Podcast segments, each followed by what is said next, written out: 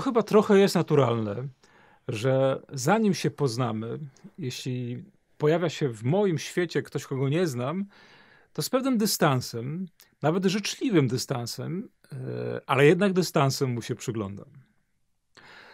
Co sprawia, że ten dystans topnieje? Nie nowe informacje, ale sposób naszej relacji, ale jakość naszej relacji.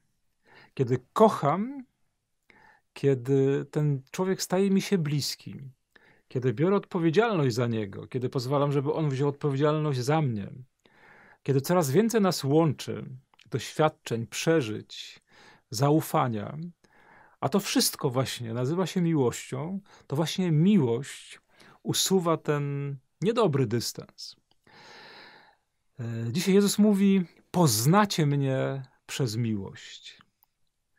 Poznacie mnie, gdy zgodzicie się, żebym ja was kochał i gdy odwzajemnicie tę miłość.